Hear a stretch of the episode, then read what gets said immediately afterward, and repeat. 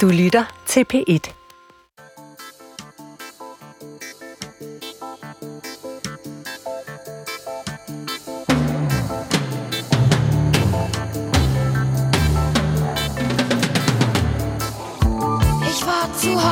Jeg stod derhjemme under min kolde bruser. Der kom herr Gockmann under min vandhane. Det var godt. Tropfte ab der Schweiß. Sved dryppede fra ham, og han sagde, Er sagte, mir ist heiß. jeg har det varmt. Jeg er hot.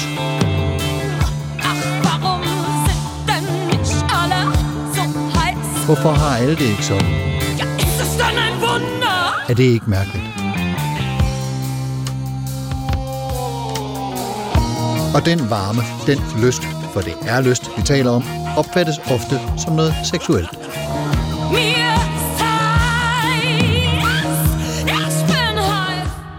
Velkommen til Supertanker. Jeg hedder Carsten Nordmann. Prepared for anything and everything.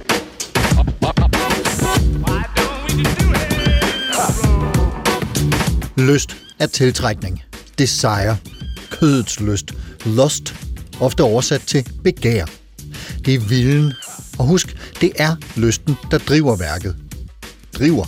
Måske er det en drift, eller seksualdriften, der som bekendt er en af de sværeste at styre, efterfulgt af togdriften, hvis vi skal tro, så vidt jeg kan støve op, juristen og politikeren J.K. Lauritsen, som sagde det i år 1900.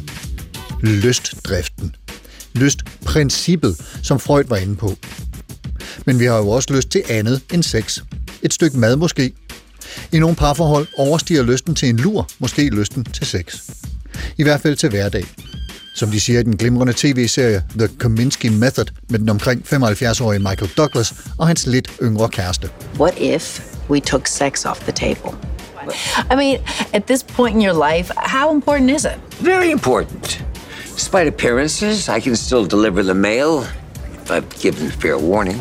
Be honest with me. You go to bed at night, what is more important, a good lay or a good night's sleep? Og skal vi i øvrigt altid have lyst for at gøre noget, eller for den sags skyld altid reagere på en lyst, der opstår i os? Hvad enten den er erotisk eller noget andet. Jeg har sådan lyst til at råbe af dig eller pande dig ind. Ej vel? Men lysten, hvad gør vi med den? Amanda Lagoni, parterapeut, seksolog og forfatter. Velkommen ja. til dig. Tak, og tak for en dejlig intro. Ja, værsgo. Du er, er øh, seksolog og parterapeut terapeut og forfatter, som jeg lige fik sagt. Øh, vil du ikke fortælle lidt om, hvad det var, der øh, trak dig ind i øh, seksologien og parterapien? Jo, det vil jeg gerne.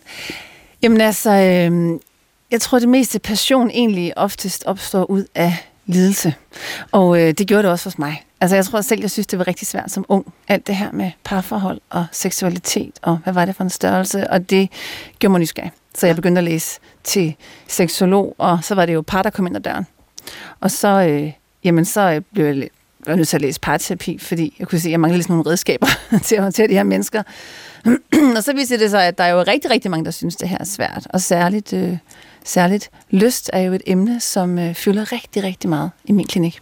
Du, du har fortalt, at du kommer fra en øh, baggrund, hvor det ikke ligefrem var noget, der blev talt om sådan til daglig eller ved middagsbordet. Øh, vil du ikke prøve at, at sige lidt om, øh, hvad det er for en modstand, du. Ja. også har oplevet? Jamen altså, jeg, jeg er oprindeligt øh, opvokset i Indre Mission, som jeg ikke har brug for at tage afstand fra, eller, eller egentlig gøre op med på den måde, selvom jeg ikke længere kommer i Indre Mission. Men, øh, men der man kan sige, der er man jo der voksede jeg op i, at sex var noget, som der blev talt meget om i den forbindelse, at det var en gave for Gud, det var noget smukt, det var noget helligt, det var noget, vi skulle værne om, og vi skulle vente med det til ægteskabet. Og øh, det, det, det synes jeg ikke i sig selv er et problem. Men det betød, at der var meget lidt snak om, hvordan man havde sex, og mere om, Det at sex... aspekt var måske lidt nedtonet. Ja, altså det var nedtonet indtil, ja. indtil på et andet tidspunkt, ikke? Og så pludselig så står man i det der andet tidspunkt og tænker, hvad søren foregår der? Øh, og hvorfor det her, som skulle være så fantastisk og smukt og en gave for Gud, hvorfor er det også så pisse svært? Og det, øh, det, det gav mig rigtig meget lyst til at, øh, at, at finde ud af, hvad er det for noget med seksologi og mennesker og lyst, og hvorfor er vi, øh, hvorfor har vi så svært ved at, og øhm, hvad kan man sige, kontrollere vores lyst. Der er jo tidspunkter i livet, hvor vi simpelthen nærmest er drevet af lyst i sådan en helt psykotisk tilstand, og så er der pludselig andre tidspunkter, hvor vi nærmest ikke kan fremmane dem, om vi så, altså lige meget, hvor meget vi kæmper. Og det er jo øh, interessant i sig selv. Mm. Og nu sagde du lige, at du fik lyst til at undersøge det. Når du bruger ordet lyst, Ja. hvad ligger der så i det for dig? Jamen, altså, øh, jeg tror at der ligger ret mange lag i det. Vi bruger jo både lyst som noget, øh, som en motivation, som noget, der er øh, at have et øh, drive hen imod noget. Øh, når jeg bruger det i, i en lidt altså mere seksuel kontekst, eller i relationel kontekst, jamen, så snakker jeg også om lyst som noget, der er rart. Altså, at, at der er noget, som jeg kunne synes var rart, eller spændende, eller jeg er nysgerrig på. Så det, det er på en eller anden måde en motivation, der er drevet af, af noget, som, som eventuelt kan føles godt, eller rart, eller nysgerrigt. Giver det mening? Fuldstændig. Ret bredt begreb egentlig, ja. ikke? jeg Mhm. arbejder med her. Og det er præcis det, vi skal prøve at folde ud og, og måske også få lidt greb om i, i, i det kommende her. Ja. Hvor vi også har selskab af Sten Nepper Larsen, lektor i uddannelsesvidenskab ved Dansk Pædagogisk Universitet, som er under Aarhus Universitet, og også forfatter. Velkommen til dig, Sten. Tak for det. Din interesse i øh, begrebet lyst, øh, hvordan øh, ser den ud? Hvad er, hvad er den? Ja, når vi øh, taler om begreber, så kan vi jo rode rundt i leksika, og i filosofiske leksika, der står der jo logik, lykke, lys, metafysik og eventuelt utilitarisme og hedonisme, men altså, der er jo ikke under L et lyst opslag i nogen som helst filosofiske leksika. Og går vi til sociologiske leksika, så er det sådan noget med det, igen øh, lumpen, proletariat, lykke og læring og lærende organisationer. Der æder man heller ikke et opslag om lyst.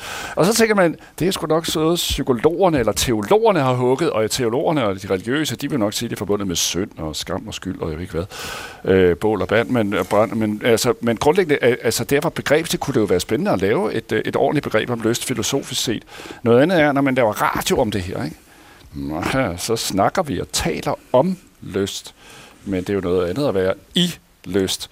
Så helt ned på det sproglige niveau, så er forholdsord og, og, og gradbøjninger af lystbegrebet jo vanvittigt interessant. Fordi der ligger en afstand i det der ja, om. fordi øh, altså, selvfølgelig er det også øh, forbundet med en vis form for glæde at være et og optræde anden ordens øh, øh, debatterende menneske. Altså vi sætter lysten til debat, men noget helt andet er jo at være i lystens vold.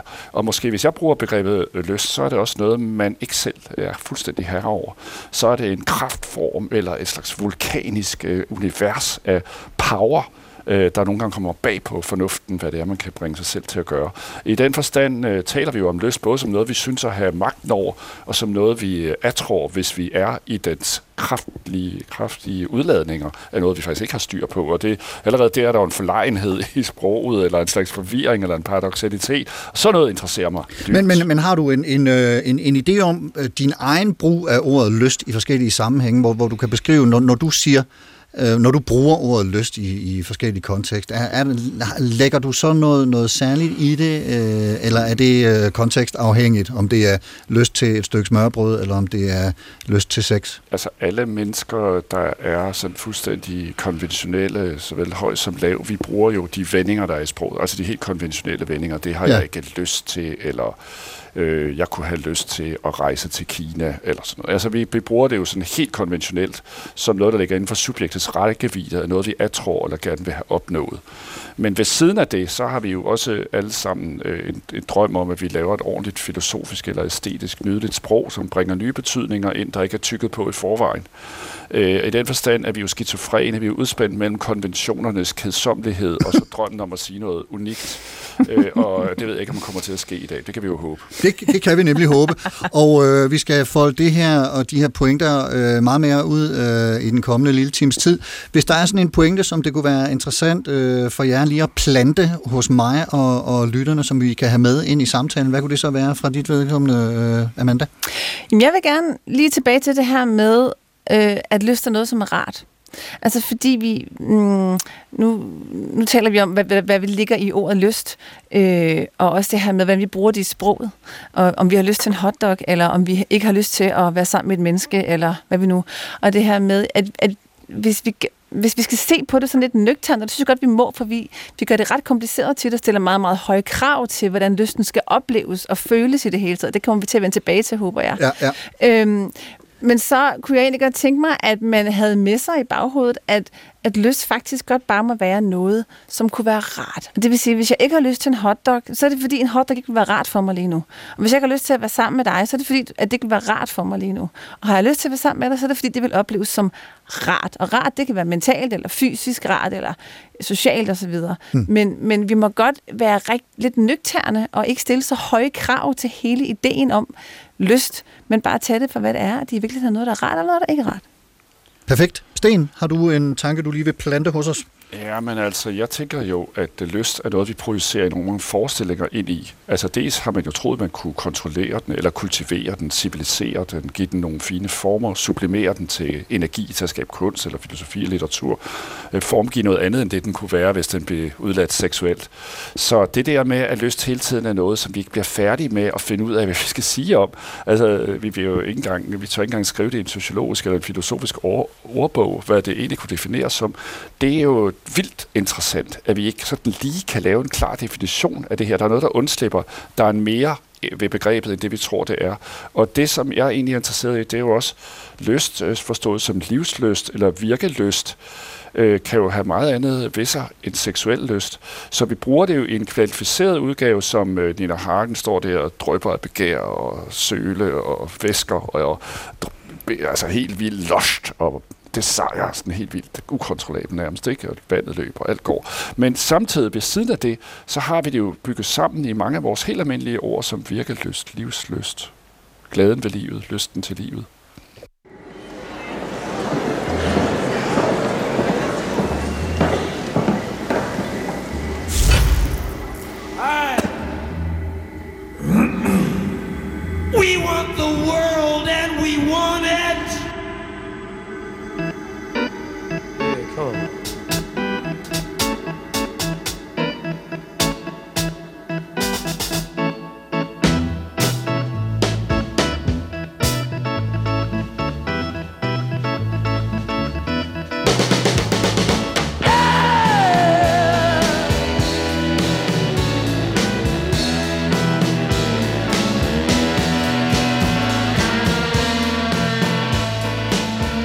Har du lyst til? Det spørgsmål kan stilles i mange sammenhænge. Ved det åbne køleskab, i baren, på turen i Tivoli, på lanerne. Mange fastholder, at det er lysten, der driver værket, og der bliver lysten næsten til en drift. Men vi bliver på den anden side også jævnligt mindet om, at noget er ej blot til lyst, som der står over scenen på det kongelige teater. Dramaet, der udfolder sig på scenen, og her kan vi formentlig også i en hurtig håndevending inddrage musikken, kunstmaleriet, bogen, som vi lystlæser, de er også horisontudvidelse, videns- og erfaringsbefordring. De er ikke blot dekorative, overfladepirrende tomme kalorier uden intellektuel næring. De er ikke blot lyst. Husk det. Eller... Men mange af vores gøremål er lyststyrede. Vi oplever forhåbentlig, i hvert fald en gang imellem, livsløst. Den der så desværre også nogen, der mister. Vi kan have virkelyst og udrette mange og store ting. Vi sejler en tur i vores lystbåd. Vi tager måske lysthuset med en lystfølelse og er lystige. Enkelte, særlige individer begår lystmor. Man kan blive slave af sin lyst til for eksempel beruselse. En søgen efter noget afslappende, ansvarsfralæggende rart kan blive tvingende på den ufede måde, og pludselig kan man være fanget i narkomani, ludomani, nymfomani og så videre, og så videre.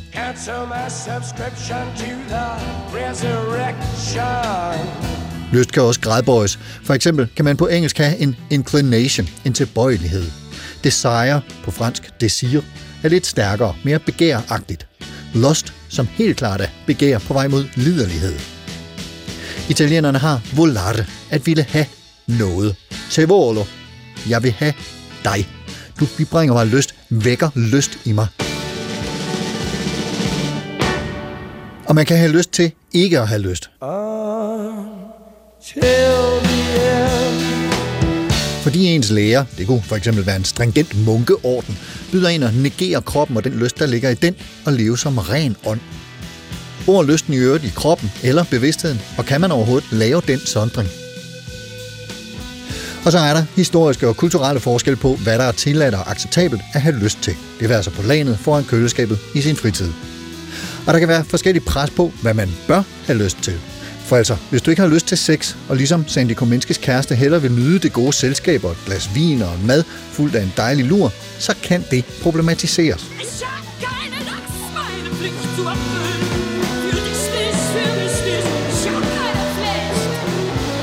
Der kan også være en been there, done that oplevelse af førhen lystfulde aktiviteter, som har mistet lystkraften, og så minder jeg om, at forbud befordrer lyst. Det man ikke må, kan man få en helt særlig lyst til. Kig ind gennem nøglehullet på det ellers skjulte, læse de forbudte værker, høre den censurerede musik. Det er tiltrækning ved det gedulte. Og lige så snart det skjulte bliver eksponeret, måske endda overeksponeret, så risikerer lysten at dø. Har set så mange nøgne kvinder, at jeg går og prøver på ikke at brække mig, hver gang jeg ser et bartlår.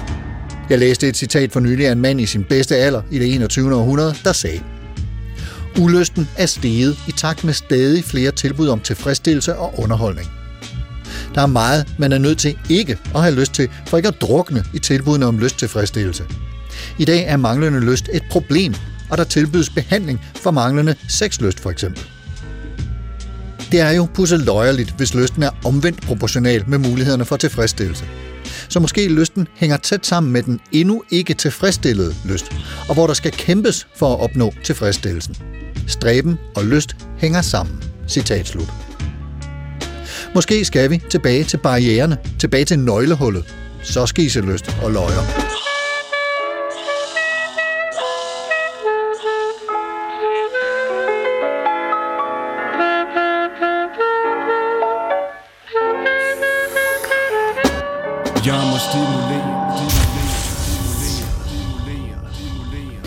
Ich habe keine Lust, meine Pflicht zu erfüllen. Für dich nicht, für mich nicht. Ich habe keine Pflicht, sang Nina Hagen i 1978. Det kunne muligvis være i dag.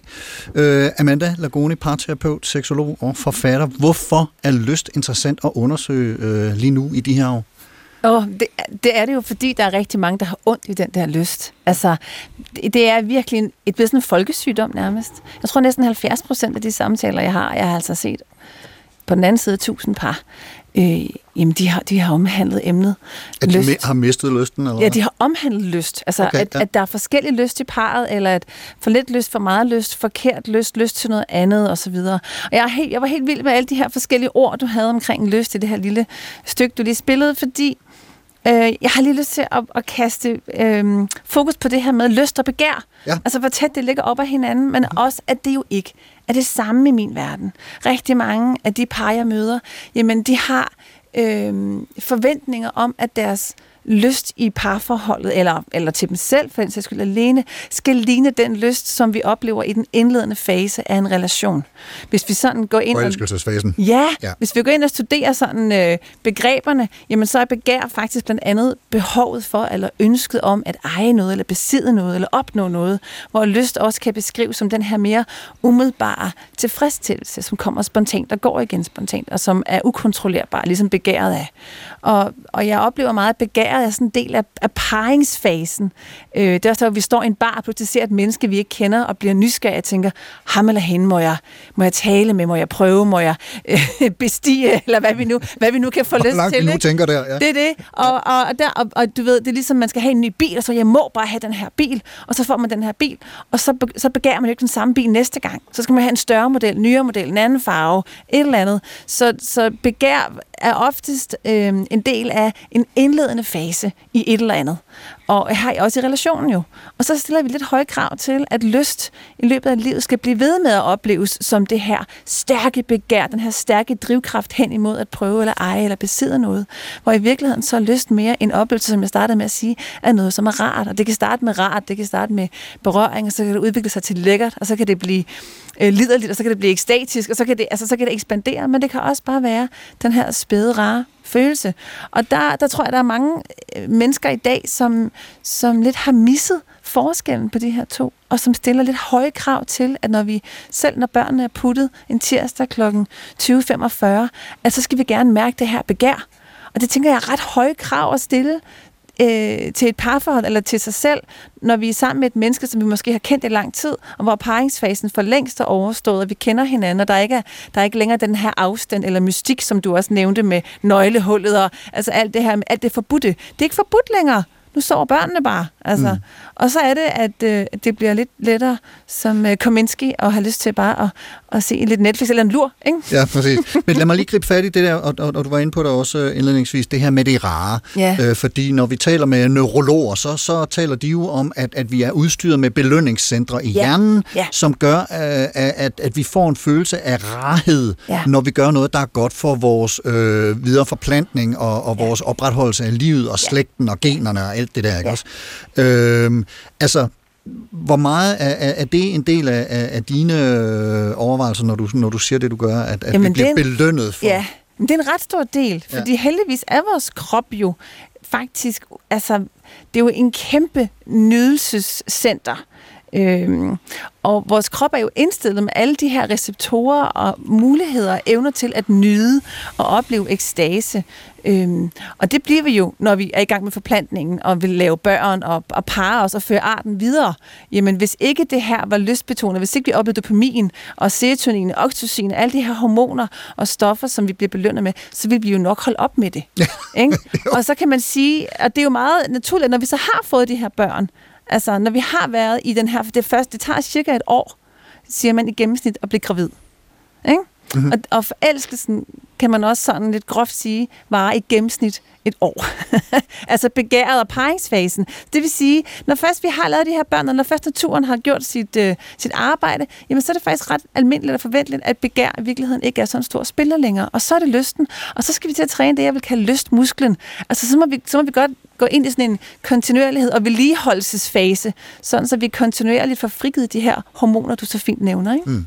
Sten, du øh, markerer med en kommentar. Øh, Jeg synes, vi lige er udsat for en funktionalistisk øh, hjerneteori, som ikke altid holder, måske. Altså, det, der jo sker med de såkaldte øh, energiøkonomiske og lystorienterede hjerner, det er jo også, at de bruger jo også en del af deres energi, disse hjerner, som selvfølgelig er fældet ind i kroppen, og kroppen er i verden, og der er sociale krav og naturlige krav. Det, der bruger vi jo også en masse af vores hjernekraft på at øh, værne os mod, hvad der kan gå galt. Øh, Det vil sige, at vi har også øh, centre for at håndtere mulig negativitet, eller fravær, eller angst, eller død, eller krig, eller ballade, eller ingen anerkendelse, eller er det et hårdt arbejde at blive glad, og jeg ved ikke hvad. Altså, hjernen er jo formodentlig ikke en stor lystøkonomisk øh, gavegivningsmuskel af forskellige former for sådan, øh, øh, dopamin og sådan noget alene. Altså, en stor del af hjernen bruges også på, at vi skærmer os mod ikke at blive slået ihjel, og at vi øh, faktisk kan håndtere nederlag og sådan noget. Altså, det der med at tilskrive hjernen alene sådan positivitets øh, selvgavegivning. Det tror jeg nu heller ikke, der var nogen, der Der var ingen, der sagde alene. Nej, men vi skulle have lidt gang i den her, ikke? Ja, nej. Øh, måske. Ja. Det er jo også en del af hjernen. Altså, det, her, det er også derfor, jeg siger, at det er noget, vi skal, vi skal træne. din muskel, fordi hvis ikke vi gør det, så tror jeg lige præcis, at hjernen bruger energi på alt det der andet. Så bruger den energi på den sociale kontekst, på opretholdelsen, på bare, bare, bare det at have et liv og en familie, og tjene penge og være en del af et økosystem og alt muligt andet. Så, så hvis vi gerne vil have et liv, hvor vi også oplever os som lystfulde mennesker og nydende mennesker, ikke kun seksuelt lyst, men i det hele taget lyst, så skal vi jo pleje nydelse, og, og at vi vil gerne være i kontakt med vores fysiske, seksuelle lyst og liderlighed, og, så, og, og også det her, der kunne ligne begær, jamen, så tror jeg, at det skal trænes og vedligeholdes for, at hjernen bliver ved med at frigive de her hormoner, så vi har lyst til at gøre det igen og igen og igen. Ja, ja, ingen tvivl om, Men lad vi os, skal lad, lad os lige øh, parkere neurologien øh, for en stund her, fordi det er jo ikke, vi skal ikke fortabe os i, i øh, neurologi på den måde. Jeg kunne egentlig godt tænke mig at spørge dig, Sten, øh, netop øh, hvordan du op, øh, ser, øh, anskuer forskellen på den seksuelle lyst, som, som øh, vi, vi taler om her, og så andre former for lyst. Øh, så, altså fordi, øh, ja, der, der er jo mange ting, som bringer os velvære, som, som er rare for os, som Amanda er inde på. Øh, men, men, men hvad er for dig at se forskellen mellem ja, den seksuelle lyst og andre former? Det er et komplekst spørgsmål, og den øh, øh, person, du citerede før i sin bedste alder, havde jo fat i, at stræben og lyst hænger sammen. Øh, og det er jo noget, som Spinoza, den store 1600-tals filosof, han øh, har gjort sig nogle tanker om, altså hvor, hvor conatus, det er det latinske ord for stræben og selvopholdelsesdrift, der også handler om eksistenskraft. Så i den forstand er eksistenskraft og lyst øh, jo bundet sammen for os mennesker. Altså vi prøver at opretholde vores eksistens, men også, også vores kraft til at eksistere, vores vilje og vores stræben. Vores Øh, livslyst måske? I den forstand er, øh, er det selvfølgelig væsentligt med begær og med desire og lust og liderlighed osv. Men det er også nødvendigt med lyst på mange andre forskellige øh, øh, øh, øh mange forskellige andre scener. For eksempel lysten til at præstere det unikke kunstværk, den formidable tanke, øh, den øh, opfinde en ny teknologi, øh, finde noget måde at være sammen på som menneskehed, for eksempel opfinde et fredfyldt samfund. Man kan jo også sige, at nogle af de mennesker i dag, der er ude og lave Extinction Rebellion eller står og laver demonstrationer ved COP26, de har lyst til en bedre verden. Ikke? Altså de øh, har simpelthen et, et lystniveau for, at vi får en kosmopolitisk øh, fredelig verdensorden af balance i verden. Som en del af deres Som en del af deres og eksistenskraft. Ja. Men det skal jo ikke betyde andet, end, jeg er helt enig med Amanda om, at sex, lyst og øh, træne det, og i det hele taget opretholde lysten til den anden og til sig selv, havde jeg sagt, er jo også væsentligt. I titlen på dit program her, hvad eller hvem har du lyst til, er jo lidt tricky, fordi som jeg læser det, så er det også, der er et hvad og et hvem forhold. Og hvad-forholdet kunne jo også handle om interobjektivitet, altså at lyst til materialitet, lyst til bjerge, lyst til smukt øh, solskin, lyst til en, en verden En tur i rutsjebanen, eller øh, Ja, ja, og, en, og, øh, og ja. hvem er så mere personaliseret, altså den anden og den andens krop, den andens kønsorganer. Og der har du jo lavet en dobbelthed i titlen her, der gør jo, at vi kan tale om begge dele. Noget andet, jeg har tænkt på, det er, altså lyst i sproget er jo også centralt, og der er det, jeg tænker, vi slår, vi slår efter i, i ordbogen det danske sprog for 32, hvor min gamle mor blev født, og min svigerfar blev født. Der er, der er der jo 15 hele spaltesider med lystbøjninger. Altså lyst og lystfølelse, lystgærning, lyst i, lystiggør, lystiggør, lystmor osv. Og lyst bestemmes på en masse dialektisk form. Altså det er rigtig sjovt det her, fordi der står en i parentes, hele tiden er det, jeg nu siger, bibringe en lyst. Altså det er både bibringe lyst og bibringe en lyst. Mm. Og det ene er jo, jeg får lyst, jeg bibringer også den anden lyst. Og måske lyst er også at blive tiltalt af den andens store kraft og begær efter mig. Og derfor er lystbegrebet dialektisk spændt ind i ordene, ligesom vække lyst hos en, friste en anden, eller selv blive fristet. Kan I se? Og den der øh, begge veje, den er jo væsentlig.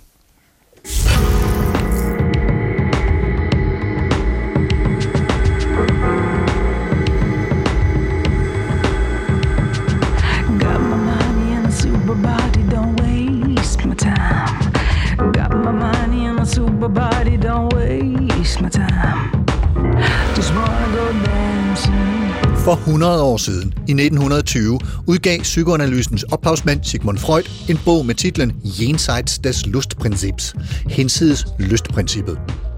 Men før vi drager derhen, altså hinsides princippet, skal vi lige have selve princippet, lystprincippet, på plads. Freud beskriver det som menneskets stræben efter både lystfølelse og øjeblikkelig tilfredsstillelse. Want you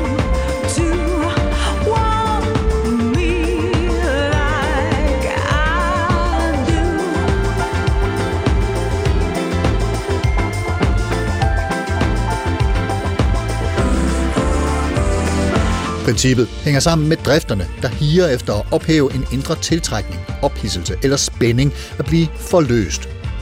Ifølge Freud ligger der en biologisk proces bag menneskets drifter, en energi, som bestemmer driftens styrke.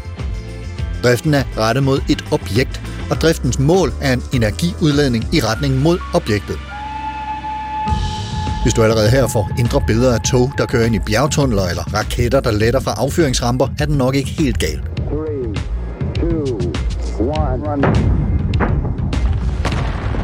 Barnet er i sine første leveår særligt styret af den ukontrollerede og konsekvensløse lyst. Barnet søger tilfredsstillelse for sine lyster, spontant, uden at tænke over følgerne. I takt med, at effekten af barnets opdragelse og socialisering begynder at virke, udvikles realitetsprincippet. Den uhemmede lystsøgen tøjles, og mennesker bliver i stand til at tænke mere langsigtet, til at tolerere ulyst og erkende realiteter. See, I got the power. Lysten og drifterne findes stadig, men mennesket kan sætte sig ud over det og tænke langsigtet.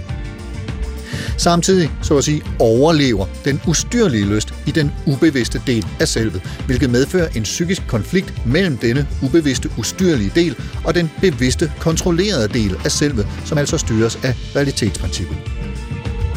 Det samspil mellem lystprincippet og realitetsprincippet var ifølge Freuds psykoanalyse en gyldig forklaring på alle psykiske processer. Indtil han blev opmærksom på dødsdriften. For det viser sig nemlig, som Freud beskriver i hinsides lystprincippet, at dødsdriften spiller en afgørende rolle for menneskets psykiske velbefindende. En rolle, der overruler lystprincippet.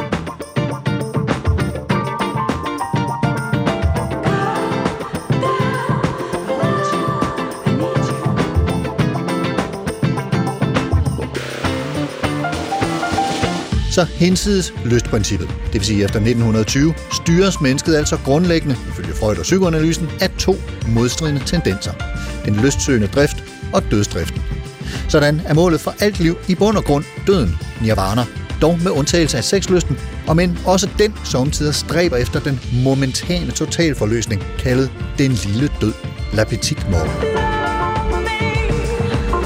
Lysten er livsdrift, libido og seksualdrift, og på den måde livsskabende, hvorimod dødsdriften er destruktiv og forbundet med ophøret af liv.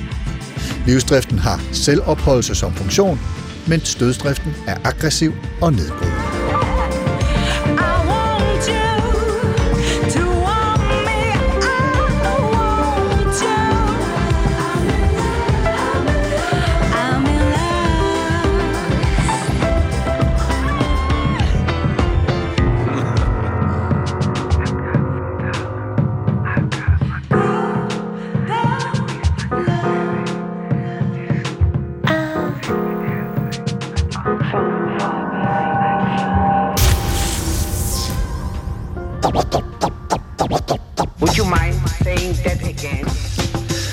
Tusind tak til Ole Anker Olsen og Torgild Sørensen for deres artikler om Freud og lystprincippet, som var til stor inspiration og en smule parafrase i det her lille indslag. Og så vidt, øh, i hvert fald for mit vedkommende, Sigmund Freud, øh, Østrig, vi skal have fat i nogle flere tysktalende og skrivende, som har beskæftiget sig med lyst og ulyst i både psykologiske og filosofiske overvejelser. Men før vi kommer til det germanske, så skal vi lige have fat i en belgisk kvinde, som du, Amanda, er inspireret af, nemlig en anden parterapeut, Esther Perel. Ja. Hvad henter du hos hende af tanker om lyst? Jamen, hun har jo lige præcis øh, arbejdet rigtig meget med det her med begær og lyst i det langvarige parforhold, og, og den her øh, med, altså ideen om, om man kan bevare lysten og begæret af erotikken på den lange bane, ikke? Og som jo er det, som mange kommer til mig og er så bekymret for, at de ikke kan, eller som oplever, at det kan være så svært at opretholde. Og hun er så håndgribelig. Øhm, hun er jo både øh, altså, hvad skal man sige, antropologisk indrettet og, og er, er meget social, studerer simpelthen kultur rigtig meget. Og det er simpelthen så spændende at høre hende tale om, hvordan hun øh, på trods af alle de her kulturer og, og praktiske foranstaltninger, vi har øh, forskellige steder i verden, jamen så, øh, så er det utrolig lavpraktisk, som hun går til øh, lyst i relationen. Men det, men det viser sig også, at, at, at, at trods alle de her mange kulturelle forskelle, så er Ja. netop øh, tilgangen til, til ideen om lyst Ja. i virkeligheden ret ens. I virkeligheden ret ens, Ja. ja. og, og, og i- hele ideen om fantasier og begær, og hvordan, altså det, det er faktisk ret gennemgående for mennesket. Mm. Og der, øh, og, og hun piller det ned på sådan et meget lavpraktisk og håndgribeligt plan, for jeg synes, det er altid det dejlige at tale om filosofi og, og tanker og alt sådan noget, men de mennesker, jeg møder, de vil jo gerne vide, hvad skal jeg gøre? Så kan de høre det her program bagefter. Så, hvad skal jeg gøre? Hvordan skal jeg, hvordan skal jeg få mere lyst? Hvad er det for? Hvor, hvor bliver den af? Ja. Hvad sker der i det langvarige parforhold? Og der har hun gået nogle, både nogle gode forklaringer til, hvad er det egentlig er, der sker med lysten? Hvorfor den forsvinder? Hvorfor, hvorfor begærer noget, vi faktisk ikke kan trække med i den lange bane, men hvorfor det hører til i starten, men også, hvordan kan vi ligesom pleje lysten og fantasierne og, og, øhm, og løfte den her, den her lystoplevelse i Mm. virkeligheden sammen. Ikke? Og, og inden vi kommer til øh, de mange tysktalende herrer, som vi skal øh, diskutere med lige om et mm. øjeblik, så skal vi også lige omkring David Snart, Ja. Snart, Snarch. som du har hentet inspiration hos os. Han er også en parterapeut, og så har han skrevet, han skrevet rigtig mange bøger omkring i det hele taget.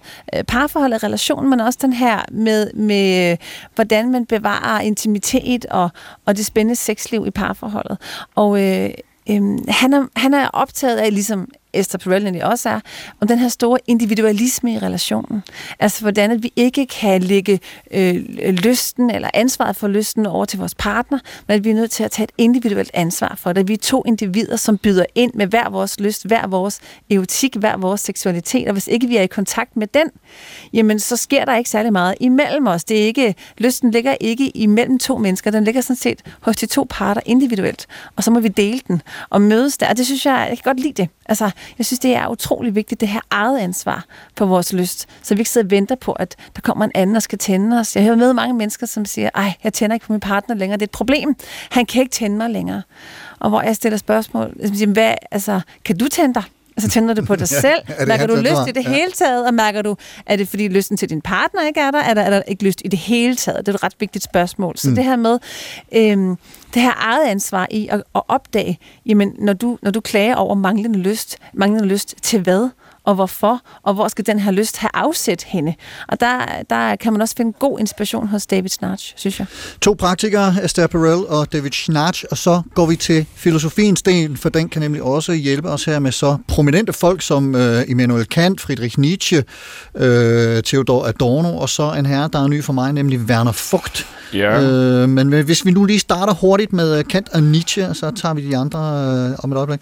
Ja, men vi skal lige lave en note til det, du har gennemgået her, fordi Ja. det, der er med Freud, det er jo vildt kompliceret. Fordi på en måde kan ulyst jo være et aktivt element, og ikke noget, man ønsker at undgå. Ligesom øh, angstbetonet tvang kan befinde sig hensides ulyst og øh, lystprincippet. Og i den forstand så er øh, altså lysten til at have ingen lyst, eller øh, at være øh, inde i sin egen, om man så må sige, angstbetonet tvang af gentagelsesritualer, øh, eller notorisk aldrig at kunne få tilfredsstillet sit begær, og faktisk nyde den tilstand, man ikke kan det. Altså, det gør jo mennesket virkelig kompliceret. Altså, var det så nemt, at vi bare kunne skrue op for noget og ned for noget andet, så havde vi jo styr på det hele. Og vi kan se, at hele den slovenske psykoanalyse og den lakanianske psykoanalyse handler jo netop om de her mærkelige øh, gentagelsesvangsmønstre og mystiske øh, utilfredsheder og dog gentagelse af de ting, der gør os ulykkelige og alt det der. Det er meget mere kompliceret. og på den Men måde, der er Freud jo blevet lidt umoderne, Øh, og, øh, men, men jeg tænker bare, at hvis vi starter med, med, med Kant, som du lige nævner her, Ja. så er vi jo i 1700-tallets slutning, og for Kant prøver egentlig, når han laver sin erkendelsesteori, altså hvad kan jeg vide om verden, så egentlig at få nejgungen væk, altså kroppen væk, og sanserne væk. Altså det er jo et forsøg på at lave den, en, en, en fornuftsfilosofi ved hjælp af en stramme krav til rationalitet. Men så kan man måske sige, at der er også den, den Freud, som, som måske siger, at lysten er, når verden og naturen synes at passe til vores smagsdomme, eller rettere, når det muliggøres af Det kan vi tale om, ikke også? Jo, jo, kan, ja. ja. kan finde plads og realisering i en verden og i naturen. Altså det er på en måde også en, altså der er stor lyst forbundet med den smagsdom, som rummer, at vi kan have et harmonisk, harmonisk forhold til verden. Altså der kommer på en måde ind i hans øh, kritik af urtalskraft og kritik af dømmekraften, der kommer en anden kant end den, der prøver at lave den rene erkendelsesteori, om man så må sige. Så hos Kant er der jo egentlig en spænding mellem øh, øh, lyst og øh, den slags ting, som man prøver at uddrive for at lave en rationalitetsteori om fornuft, og for det næste øjeblik, så bliver de så smuglet ind i den øh, æstetiske dømmekraft. Så et, selv der er der hos Kant også en spænding. Men Nietzsche er jo nok øh, virkelig spændende. Han taler jo om, at vi skal tænke øh, med hele kroppen, og ikke kun den byld, der sidder på hovedet. Øh, øh, Nietzsche er jo en, en tænker, som på en måde vil, siger, at alle lust vil tiefe, tiefe Ewigkeit. Og det er jo egentlig drømmen om, at vi kunne have den dybe, evige væren, hvor tiden falder af sine hængsler. Altså det er jo et opgør med det kronologiske begreb for tid, hvor vi hele tiden kommer ud af denne tilstand, vi er i. Og egentlig er det en drøm om kairologi, eller den rette tidsfilosofi, hvad tidens forfylde, og hvor vi er i sådan en form for nirvana-tilstand. Og denne al lyst for dyb, dyb evighed er også et kritik af industrialismen og mål-middelprincipper og komme hurtigst muligt fra A til B og sådan noget. Og den kan jo så rum, romantiseres, denne tanke, men det kan også ud som korrektur mod civilisationen og fornuften og industrialismens værdier. Og det finder man så også hos Adorno. Og det fede ved Adorno, det er jo, han står jo for at være en form for venstrefreudianer. Ikke? Altså han prøver jo at tolke Freud mod Freud, i stedet for at vi skal have kontrol over øh, dette begær og denne lyst, skal vi sætte det fri som en kritik af kapitalismen. Men der er det jo så, at Adorno skriver i Minima Moralia i 1951, øh, hvor han altså er i USA og stukket af for nazismen. Han har selvfølgelig lavet en anden tekst end Freud, den hedder selvfølgelig på denne side af lystprincippet. Ah. Ikke Jens sides, men på denne her. Denne side i. These sides. Ja. Øh, og det er altså på denne side af løsprincippet, der taler han om Freuds, øh, Freuds repressive træk. At Freud han egentlig ender med at være vakle mellem og negere driftsafkaldet som realitetsfjendtlig fortrængning og prise det som kulturfremmende sublimering. Det er lidt indviklet. Ja, det- Men det skal du lige forklare. Han er ikke nogen nem, Er, øh, nej, nej, Adorno er jo virkelig hver sætning af en gåde. Men altså, øh, øh, han, han, han skyder Freud i skoene, at han ender med at prise det repræsentative samfundsværk, der altså hedder, at vi skal finde en social håndterbar udgave af lysten, så vi ikke lader lysten få frit flow. Så individet må sidste indret passe sig. Altså ligesom Computer Charlie på fast det var alle de der, spor. ja, det var alle de Og- der og- stakkels vietnamesiske kvinder, og som vi øh, må, kom styre, vi må lære at styre det her øh, øh, halvneurotiske øh, begær. Og der siger Freud, eller, eller der siger øh, Adorno så i virkeligheden øh, noget, der er meget, meget smukt. Ikke?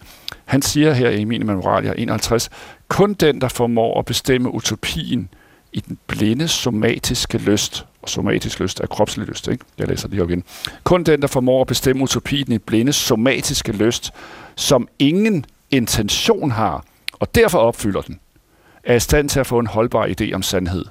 Og det her lyder mærkeligt, ikke? Fordi han Og siger, er egentlig- sandhed han siger ja. egentlig, at, det- at intentionsløsheden, altså lysten, der vil lyst, den vil ikke andet end lyst. Og den vil i virkeligheden ikke besidde kvinden, eller erobre naturen, eller producere et eller andet, der skal bruges. Altså, den vil lyst, fordi lyst er sin egen begrundelse som intentionsløs væren i verden. Det kan altså, jeg virkelig godt lide. Og, og, og, og, og drømmen er jo her i virkeligheden, at det kunne, forhold kunne vi også have til træer og til naturen, altså til skønheden, at vi egentlig fjerner intentionaliteten, vi fjerner instrumentaliteten, vi fjerner subjekt-objekt-forholdet, og så flyder vi i et med verden. Derfor er Adorno her, han foregriber nymaterialismen, han foregriber kritik af subjektet, han foregriber kritik af instru- instrumentalismen, han foregriber objektgørelsen af kvinden til blot at være et redskab for mandens et eller andet magt eller udløsning. Det, det der i virkeligheden er det smukke ved det her, altså utopien i den blinde somatiske lyst, det er jo drømmen, at vi kunne stå ved sådan en værensform, hvor lysten er i alt, hvad vi gør, uden at instrumentaliseres og uden at bare vil have, om man så må sige, pæk i kusse. Hvad siger du til det her, Amanda? Jamen, det gør mig glad, fordi jeg tror egentlig, mange af dem, som jeg taler med, som oplever, at lyst er svært, eller det er jo blandt andet, fordi lysten virkelig, virkelig ikke trives under et pres eller under et facit. Altså, hvis vi kigger på begrebet erotik, eros, eros betyder, at det kommer ud af længsel, og, og at vi laver en spændingskurve, og vi ligesom er i længsel, i eutik, i sansning, i lysten. Og der er ikke særlig mange mennesker, som bare kan være i lysten, uden at have brug for at forløse den. Men det her med at være i lyst for lystens skyld, for at mærke sansning, for at mærke det, som det, det der er rart og udbredt, Altså, det er virkelig, øh, det tror jeg er en god kur, hvis man gerne vil mærke mere lyst. Altså, ikke at have det her face, ikke at have det her pres på. Og det er jo virkelig, som, som du siger, Sten, at have, at have lyst for at være i lystens skyld. Det må være, det er ret utopisk i min verden, og, og ret fantastisk, hvis man kan det. En kort kommentar til det, Sten? Ja, altså det er jo fordi, at vi, vi har tendentielt den lyst til at, at simplificere, når vi taler. Øh, og, og det er vi jo nok enige om, dig og mig, Amanda, det skal vi prøve at komme ud af. Og en af de måder, vi kan komme ud af det på også, er, altså, i, vi kender jo den der debat til evighed. Er det natur eller kultur, ikke? Mm. Altså er begæret så noget, som er, er natur, og så er lysten den øh, civiliserede form for øh, omgang med det, og så der får vi kontrol over det. Øh, er det enten noget universalt, historisk, biologisk, øh, essentielt, stabilt, eller noget socialt, farligt, kulturelt? Er det socialt konstrueret eller biologistisk kraft?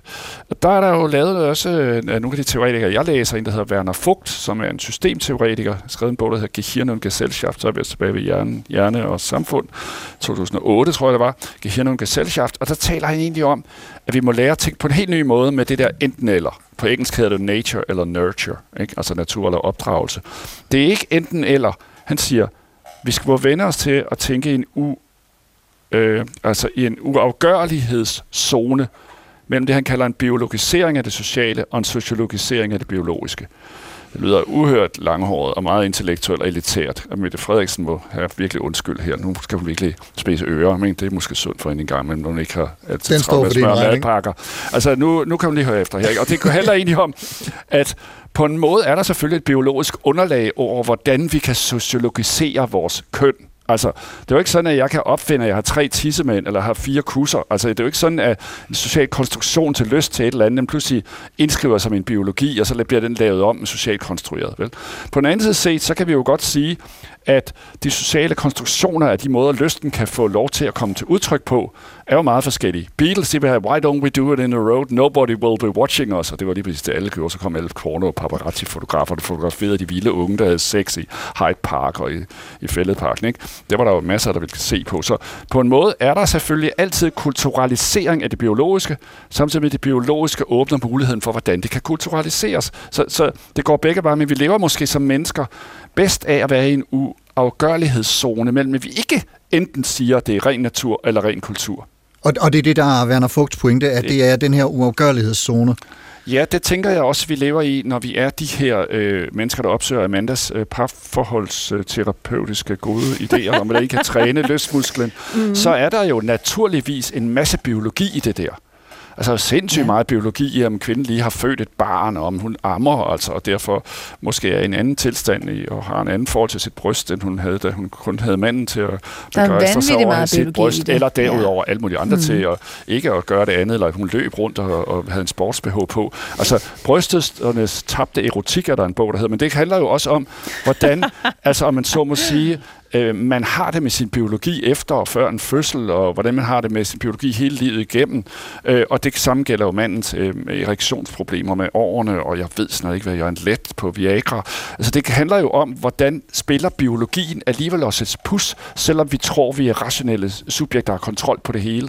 Og det viser sig, at det har vi jo ikke. Men samtidig er det jo er det jo fornuften og i sidste ende videnskaben og alle mulige andre ting, der også begynder at præge vores biologi.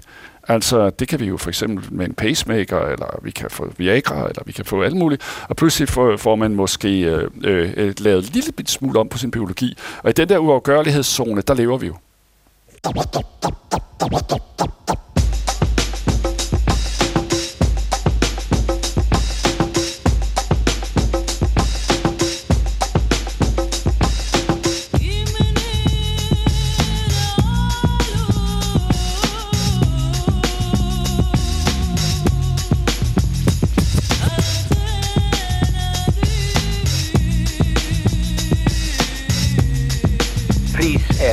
Would you mind saying that again?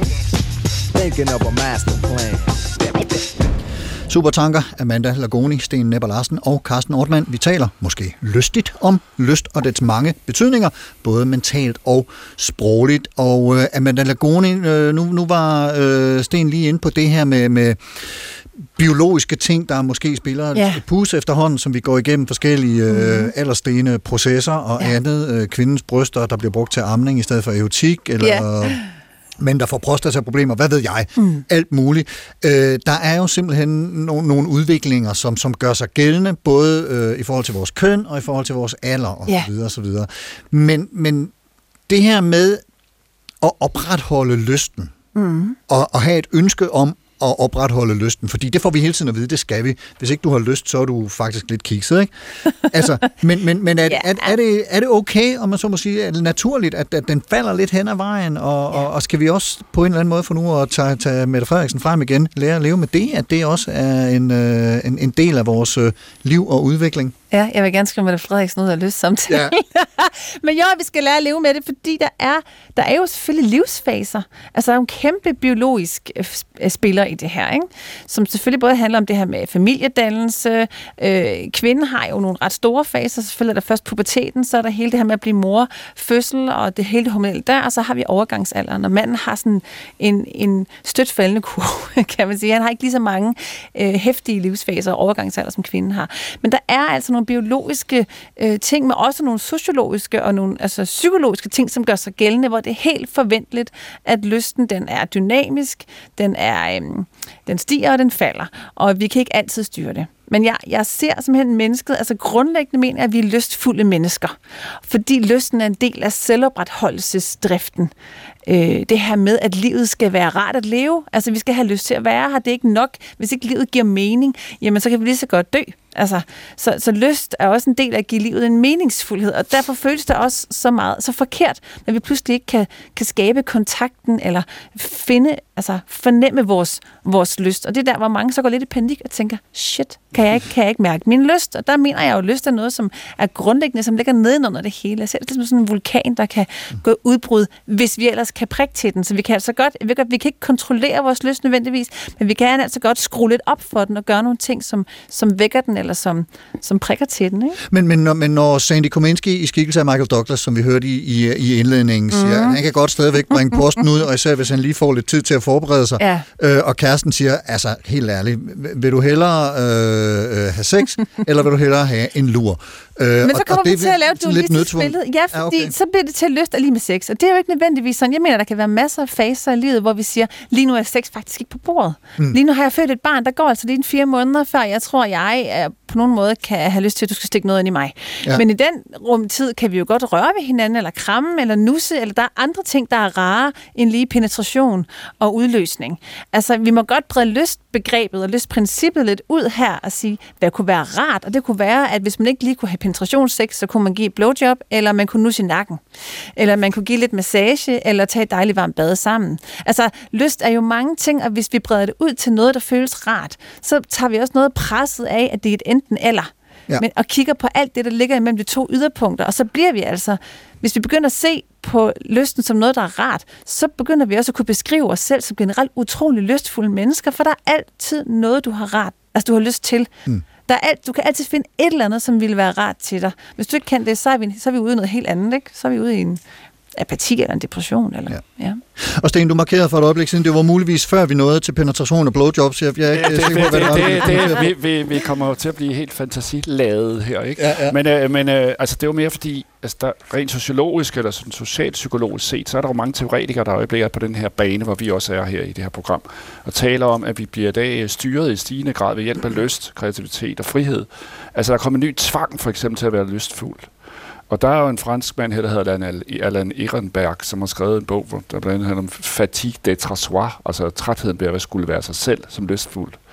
Og øh, hvor man i gamle dage på Freuds tid måske havde neurosen som problem, så taler han i dag om depressionen som problemet. Og depressionen mm. er jo, at man ikke Ja. altid har lyst til det, man egentlig burde have lyst til, gå på arbejde, lave en problemformulering, ikke? Øh, have fuldstændig frihed til at gå til eksamen i det stof, man selv nærmest har valgt, og jeg ved ikke hvad. Så det her lystfulde arbejdsmarked, lystfulde job, kreative ingeniører, kreative iværksættere, jeg ved ikke hvad, alle disse mennesker skal jo styre deres liv ved hjælp af lyst, nu som en ny form for tvang. Og denne her mærkelige paradoxalitet til, at det moderne arbejdsmarked øh, også er blevet lysten på arbejde, og det hele menneske på arbejde med hud og hår, betyder jo, at i dag bliver lysten måske koloniseret på arbejdet også.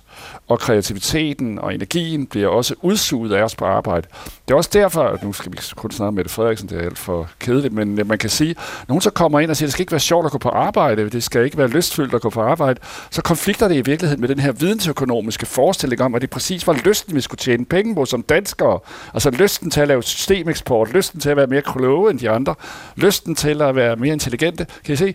Og så pludselig skal vi tilbage til arbejdssamfundet, industrisamfundet, og alle sammen øh, tage en håndværkeruddannelse. Ikke fordi der er noget galt med håndværk, men problemet er jo her, vi styrer også samfundet ved hjælp af lyst sat i system, og kapitalismen var intet uden menneskers lyst til at opfinde og være kreative. Det ved kapitalismen jo godt. Derfor så er Freud i dag jo overhalet af et stort begær efter, at vi altid med Bill Gates opfinder den næste iPhone og sådan noget. Ikke? Altså lysten og den manglende sådan helt sådan selvkontrol på, hvad vi kan finde på at opfinde sammen, er jo også en driver for økonomien. Supertanker er i land om et par minutter, men inden vi når dertil, skal vi lige nå at høre et par anbefalinger fra jer to til, hvor øh, lytterne og andre kan gå hen, hvis de gerne vil undersøge nogle af de her tanker nærmere. Og øh, Amanda, for dit vedkommende, der bliver vi lidt hos øh, Esther Perel, er det ikke rigtigt?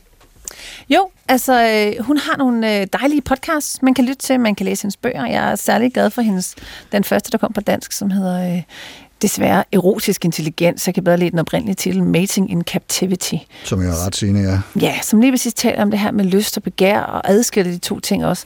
Pegen i fangenskab, tror jeg, man kan oversætte det til, ikke? Lige præcis. Ja. Mm. Og så kan vi, altså, øh, så kan man også lidt, øh, hvad skal man sige, læse lidt af Snarch, men altså, hvis man bare vil have den hurtigt, så er der masser af på YouTube, hvis man lige tænker her i frokostpausen, at jeg skal lige høre lidt om det der lyst og begær og sådan noget. Så er der en tur på YouTube og TED Talks og podcast i ørerne på vej på cyklen. Og, og Esther Perels øh, podcast, den hedder Where Should We Begin, og er øh, åbne parterapi-sessions, hvor hun netop taler med far, par om nogle af deres øh, samlivsproblemer på den mm. Mhm. mm. måde. Sten, øh, du anbefaler en øh, artikel på nettet, Ja, altså jeg tænker, jeg skal være lidt moderne her, ikke bare bare de tykke, tyske, støvede klassikere, men altså dog er en tysk filosof, Peter Schlutter, der er ikke født i 47, altså en af sprogets store fornyere, en vanvittig intellektuel, man ved aldrig, hvad han vil sige om tre sætninger. Og han har altså lavet en tekst derude, der er et samtale med en journalist, som hedder Lernen ist Vorfreude auf sich selbst. Og det er, det at lære noget er at glæde sig til sig selv, som man muligvis kan blive, hvis man går i gang med at have lyst til at blive en anden, end man er.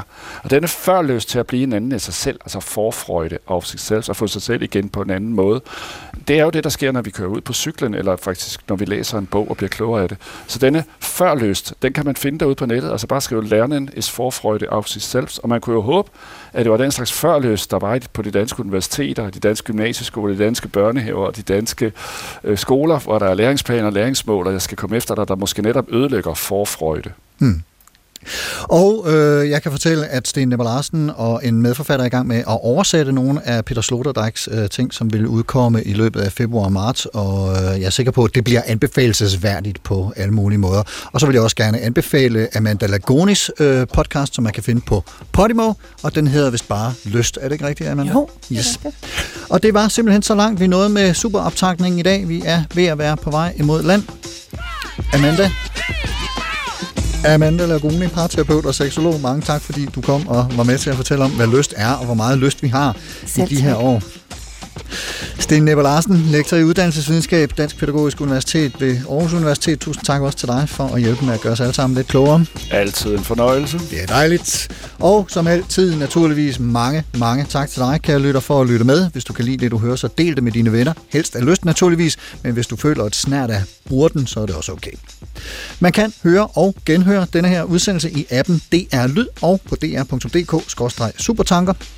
Hvis du har ris, ros eller idéer til programmet eller andet, du gerne vil kommunikere til mig, så skriv en mail til supertanker eller gå ind på Facebook-siden Carsten Ortmann Radio og kommenter der. Og der lægger jeg også gæsternes anbefalinger og lidt links og en musikplayliste. Programmet i dag var tilrettelagt af Dorthea Lind Neuenschwander og mig. Jeg hedder Carsten Ortmann. Programansvarlig er Jakob Sloma Damsholdt. Ha' en rigtig god uge og på genhør.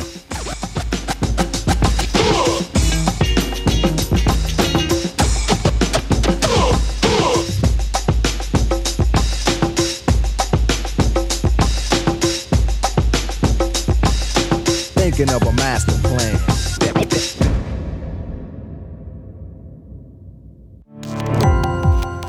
Gå på opdagelse i alle DR's podcast og radioprogrammer. I appen DR Lyd.